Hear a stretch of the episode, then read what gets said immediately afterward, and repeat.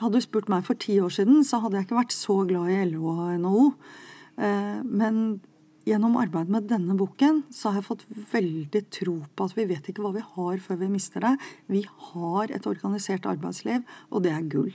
Det sa Elin Ørasæter, hun er førstelektor ved Institutt for ledelse og organisasjon ved Høgskolen Kristiania. Hun er også redaktør for arbeidsnytt.no og en av forfatterne av boka 'Løsarbeidersamfunnet'. Mitt navn er Arne Krumsvik.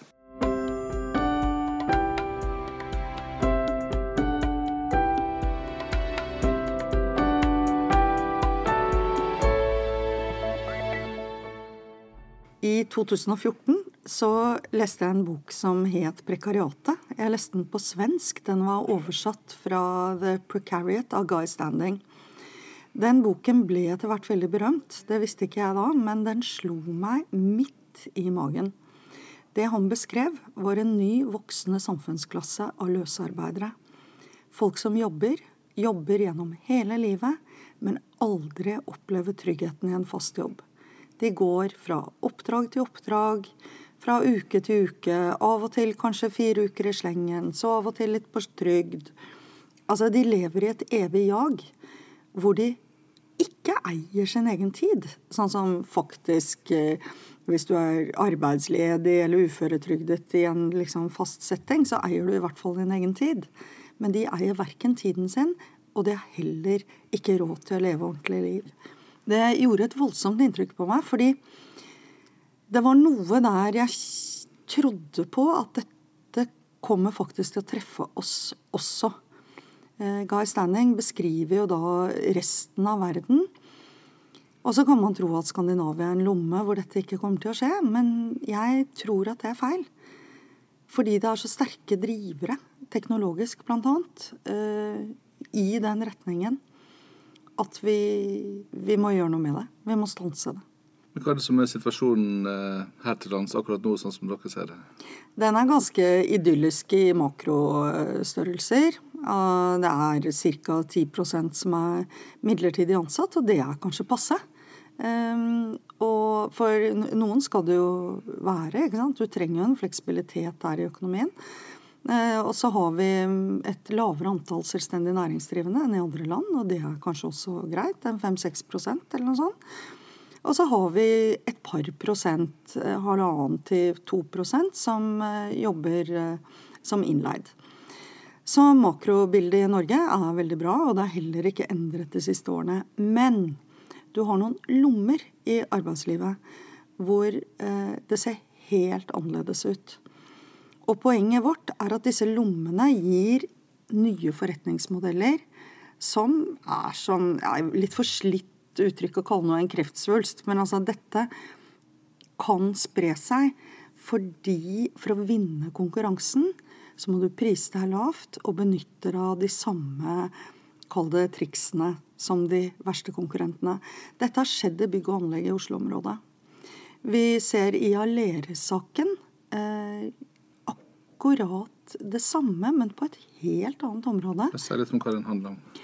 Aleris-saken er en del av et stort konsern som heter Aleris, som heter eh, Aleris Ungplan å bo i. Eh, fellesnavn Aleris Omsorg. De driver i den delen av omsorgsbransjen som har minst offentlig fokus, nemlig døgnomsorg for tungt psykisk syke, ofte farlige klienter, eller tungt utviklingshemmede, som også kan være farlige, eh, og rusmisbrukere.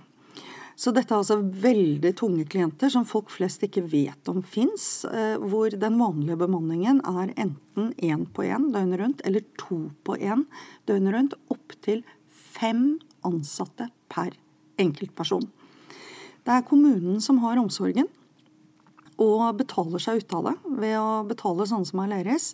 Det Aleris har gjort, er at når folk har søkt jobb hos dem, unge gutter rett fra militæret De har jo en forkjærlighet for litt unge, sterke gutter. Det skjønner man jo, klientellet tatt i betraktning.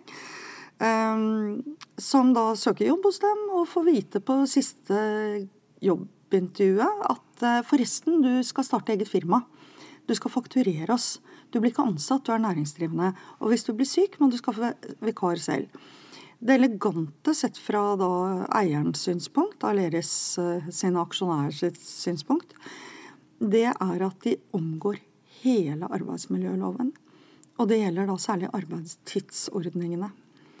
Eh, resultatet er at du har unge mennesker som jobber døgnet rundt, enten fordi de ønsker det selv for å tjene masse penger, eller eh, fordi de eh, blir tvunget til det av arbeidstidsordningene på stedet. Dette har vært en svær avsløring, og det er Dagbladet som har stått i spissen for den. Men det var faktisk samme journalist i Dagbladet, Siri Gedde Dahl, som avslørte dette allerede i Kapital for flere år siden. Men da var det ingen som brydde seg, av en eller annen grunn. Eh, vi har hatt studenter på Høgskolen Kristiania som har skrevet bacheloroppgave om Aleris.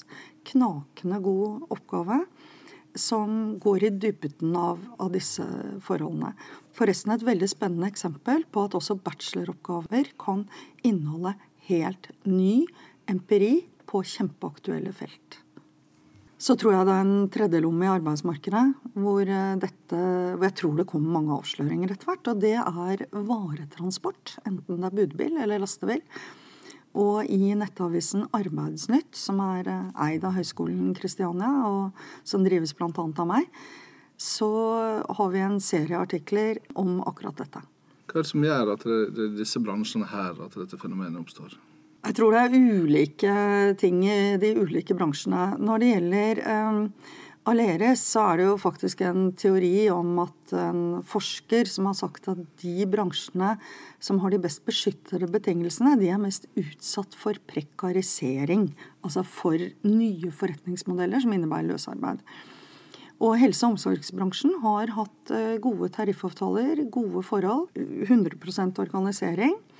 Og, er, og, og, det har vært mye, mye, forhandlinger rundt arbeidstidsordninger, fordi klientene krever døgnbemanning.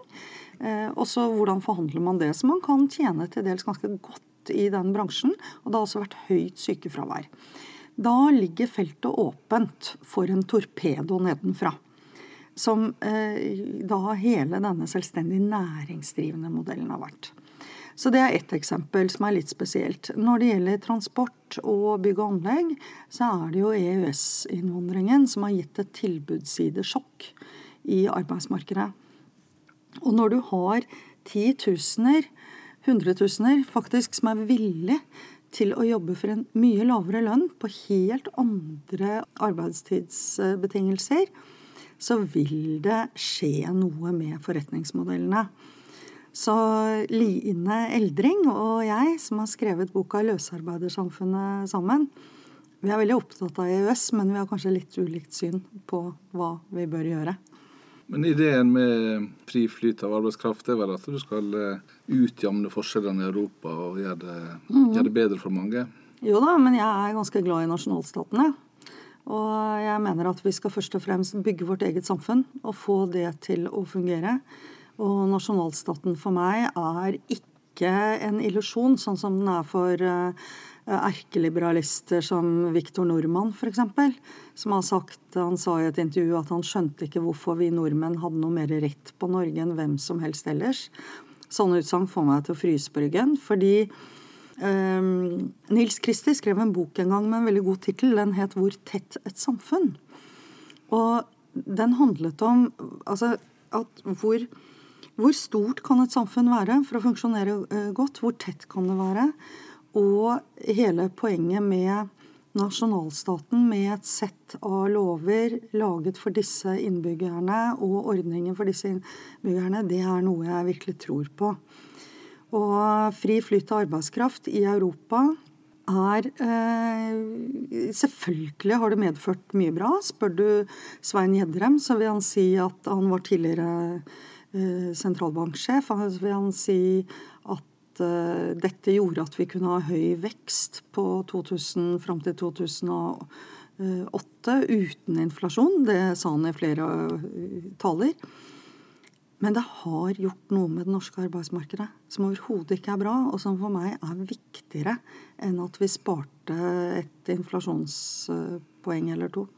Du sa i stad at i det store perspektivet så er det relativt stabilt. da. Eh, ser du for deg det fortsetter slik? Nei, det er jo akkurat det vi tror. At eh, vi Ser du på resten av Europa og USA, så har det vært en voldsom vekst i løsarbeid. Eller prekariatet, da, som man kan kalle det. Og mm, vi tror at vi er en utpost som vil bli truffet av den samme bølgen. Grunnen til det har veldig mye med teknologi å gjøre. Altså Nå rigger jo de store selskapene de rigger seg for færre ansatte og mer bruk av innkjøp. Så er det jo veldig mange i Norge som er positive til dette. Eh, sjefen for Innovasjon Norge, Anita Krohn Traaseth, hun sa jo i en tale på Agder-konferansen at de unge bryr seg ikke om å ha fast jobb. Og det er mange, også daglige ledere av Deloitte, har sagt noe av det samme. At uh, frilanserne er framtiden, og de unge vil jobbe fritt og la, la, la. Jeg tror det gjelder noen av de unge. Det gjelder de flinkeste. Og det NHO har advart mot, uh, gang etter gang, er jo at vi går mot et mer polarisert arbeidsmarked. Og det gjelder også løsarbeiderne. Jeg tror vi får en veldig vekst i frilans løsarbeid. Uh, økonomi, hvorav noen kommer til å ha det veldig bra, og store grupper kommer til å ha det vanskelig. Vi jobber jo i akademia, mm. og særlig på de store universitetene så er det også en uh, stor andel midlertidige. Er, mm. er, det et uttrykk for det samme, eller er det noe annet? For meg er det noe litt annet, og jeg ertet jo på meg en masse unge akademikere her om dagen. Det var et arrangement på Litteraturhuset hvor de da framstilte det som at midlertidige ansettelser i akademia var um, forferdelige greier. Der er nok jeg litt mer at ok, men dere har altså, Det er noe annet vi snakker om. Fordi dette at uh, unge går fra noen år i midlertidige stillinger, det er ikke bra. Men det vi snakker om, er verre. Så, på hvilken måte da? Eh, jo, for de har jo f.eks. fulle sykefraværsrettigheter mens de er i jobb. De har stillingsvernet i den perioden de har jobb, og de har disse jobbene for å kvalifisere seg videre. Nå syns jeg at det er for mye midlertidige ansettelser i akademia. Og jeg mener absolutt at det bør ned. Men det, jeg mener også at det ligger litt andre årsaker bak, da. Eh, og her har du en annen av mine kjepphester. Jeg mener at stillingsvernet burde opphøre når vi har rett til pensjon, når vi er 62. Akademia er for meg et sted hvor de eldre i stor grad blir litt sånn propper i systemet da, for unge. Jeg syns jo heller eh, de som har rett på pensjon, burde gå i de midlertidige stillingene. Jeg har diskutert dette litt med amerikanske professorer som, som, er, som, blir veldig indignert på at en eh, hos oss kan få sparken pga. alder. Mm. Eh, det er vel det eneste du ikke kan få sparken pga. i, i? Amerika. Jeg syns jo det er et fullstendig vanvittig system i USA. At det ikke er aldersgrenser. Og jeg har også merket meg at det er ingenting folk blir så sinte for. Som når jeg sier at jeg syns stillingsvernet burde opp opphøre idet vi har rett til pensjon, altså idet vi fyller 62. Jeg får de vanvittigste hatmail å få på trykk at uh, sånne tanker har vi ikke hatt siden 30-tallet i Tyskland. og Folk er helt gærne. Det er ingen som blir så sinte som eldre menn. altså. Men jeg snakker jo også om meg selv. Jeg er 56 år. Jeg mener faktisk at jeg burde miste stillingsvernet idet jeg fyller 62. Eh, for da får du pensjon i Norge, selv om det da eventuelt er en lav pensjon. Ehm, og det er fordi dersom man klarer å gjøre seg nyttig, så får vi nok gitt vårt bidrag uansett. Enten det er i midlertidige stillinger, eller å bli leid inn som timeforelesere, eller hva det nå er for noe. Jeg skjønner ikke den der deggingen av 68-generasjonen, og, og, det at seniorer liksom skal være en svak gruppe. Altså Det er den rikeste generasjonen i Norge ever. Det er de mellom 60 og 70. Det har aldri vært en så rik generasjon. Hvis vi går tilbake til, til ungdommen, da. Mm. De som nå skal ut og, og få seg arbeid. Mm. Hva, er det de, hva er det dette fenomenet vi diskuterer nå, vil, vil oppstå i neste runde, tror du? Jeg tror det vil oppstå veldig mange steder. Uh, at de vil bli innleid først før de blir ansatt. At uh, da innleie kan bli en permanent livsform, også for de som ikke ønsker det. Jeg tror vi vil se i bransje til bransje at fast ansettelse blir en litt sånn fjern drøm. Det ble gjort en undersøkelse i Tyskland om hva unge mennesker oppfattet som status. Og på 70-tallet så tok alle det for gitt at de skulle få jobb, men det de oppfattet som status, eller i hvert fall av de som ble spurt, det var svømmebasseng og dyr bil. I dag, samme type ungdommer oppgir fast jobb. Det er status. Ikke sant? Det har skjedd noe underveis. Og ære være de eh, unge som faktisk innstiller seg på dette, og de som da er flinke de kan gjøre det som daglig leder i Deloitte mener de skal, nemlig plukke kunder som en aksjeportefølje, som hun sa i NRK Ytring en gang. Det høres jo flott ut, noen vil klare det. Men veldig mange vil slite fra oppdrag til oppdrag, dårlig betalte oppdrag fra år til år, og aldri komme i fast jobb. Det skremmer meg virkelig. Vil den type utvikling eh, aktualisere debatten rundt eh, samfunnslønn? om det vil. Å, det var Vet du hva? Borgerlønn kaller jeg det. Ja. Og det var jo det temaet Line Eldring og jeg, da vi skrev Løsarbeidersamfunnet, vi bestemte oss for å ikke berøre det. Og det var to grunner til det. Det ene var at vi ville skrive en bok kun om det som er politisk mulig å få gjennom. Våre fire forslag til endringer.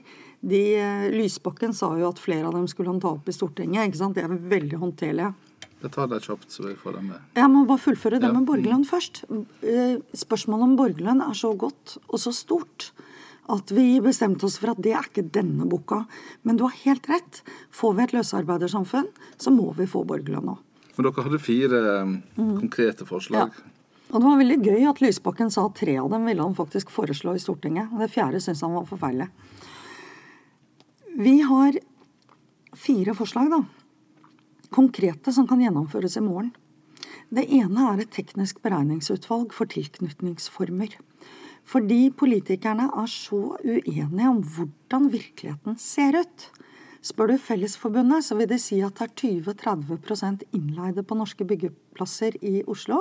Spør du eh, NHO, så vil de si at det er mellom halvannen og 2% på landsbasis. Ikke sant? To helt forskjellige virkeligheter.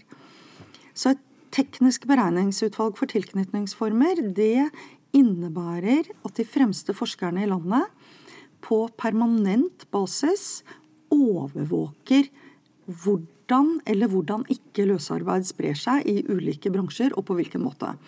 Poenget med det er at da vil partene i arbeidslivet være enige om faktum før de begynner å forhandle, for dette angår også tariffspørsmål. Det er det første forslaget. Det andre forslaget vårt det handler om midlertidig ansettelse på den måten at vi faktisk foreslår å forlenge prøvetid. Og det høres jo kanskje rart ut, men i Norge er det lov med opptil seks måneders prøvetid. Fordi bedriftene syns det er for kort, så bruker de ofte heller midlertidige ansettelser. Det er en misbruk av ordningen med midlertidige ansettelser. Vi foreslår å heve anledningen til prøvetid til ett år. Fordi for å saklig si opp noen i prøvetid, så må arbeidsgiver gjøre det på en ordentlig måte, følge opp folk og gi folk noen læringspunkter, enten det da ender med at de forbedrer seg, eller at de faktisk må slutte. Det eh, tredje forslaget vårt, eh, det er et ombud for tilknytningsformer. Vi har jo så mange ombud her i landet. Vi har et ombud, likestillings- og diskrimineringsombud. Det mener vi er så viktig. Det er et eget ombud for det. Tilknytningsformer er en større sak, heter det politisk potet, mener vi. og Problemet er at du får ingen til å kjøre noen rettssaker sånn som de burde, fordi at da mister de i hvert fall inntekten sin. Og dette er stort sett uorganiserte folk. Så et lavterskeltilbud for de som er løsarbeidere på juridisk hjelp. Det fjerde forslaget vårt, det er god gammeldags eh, Hva var det han sa, han Martin Kolberg? Fagbeveg... Hva var det han sa? Fagbevegelsen, fagbevegelsen, fagbevegelsen. Vi ønsker flere insentiver for organisering. Og det er rett og slett fordi det er ikke Altså 10 000 arbeidskriminalitetssentre kan ikke erstatte 10 000 tillitsvalgte. De tillitsvalgte rundt på arbeidsplassene er de den beste bufferen mot veksten av løsarbeid. Og enda viktigere organiserte bedrifter. De kan jobbe politisk. De kan jobbe for lovendringer, sånn at det blir lik konkurranse. Dette har med at bedriftenes interesse på lang sikt er jo at vi ikke får et løsarbeidersamfunn. Men på kort sikt så er det den enkelte kanskje entreprenørs interesse å vinne neste anbud. Og da satser han på løsarbeidere. Så det at bedriftene kan liksom heve blikket litt fra det å vinne neste anbud og jobbe politisk for et godt samfunn, da må de være organisert. Så jeg har jo, Hadde du spurt meg for ti år siden, så hadde jeg ikke vært så glad i LO og NHO. Eh, men gjennom arbeidet med denne boken så har jeg fått veldig tro på at vi vet ikke hva vi har før vi mister det. Vi har et organisert arbeidsliv, og det er gull. Du sa at tre av fire kunne komme på Stortinget. Hva, hva for et som uh... Nei, Lysbakken likte jo ikke det der med forlenget prøvetid. Nei, det syns han var ikke noe bra. Og, men det likte ikke Heidi Nordby Lunde i Høyre heller. Hun likte jo ingen av forslagene våre, tror jeg. Men, uh, men uh, hun mente at det var to helt forskjellige ting. Dette med paragrafen 1491 F, som dette er litt nerdete, men, men dagens regjering fikk jo gjennom den 1491 F, som handler om midlertidig ansettelse. Uh, og det jeg sa til Heidi, var at dere kan jo bare sløyfe den der omstridte 1491 F, og ikke virker den heller, og ingen bruker den, og det er lovteknisk det verste Norge har sett. Men uh, så kan du stryke det, og så kan du bare gi bedriften anledning til ett års prøvetid. Det mente hun var helt forskjellige ting, så det, den diskusjonen må jeg ta med henne en gang.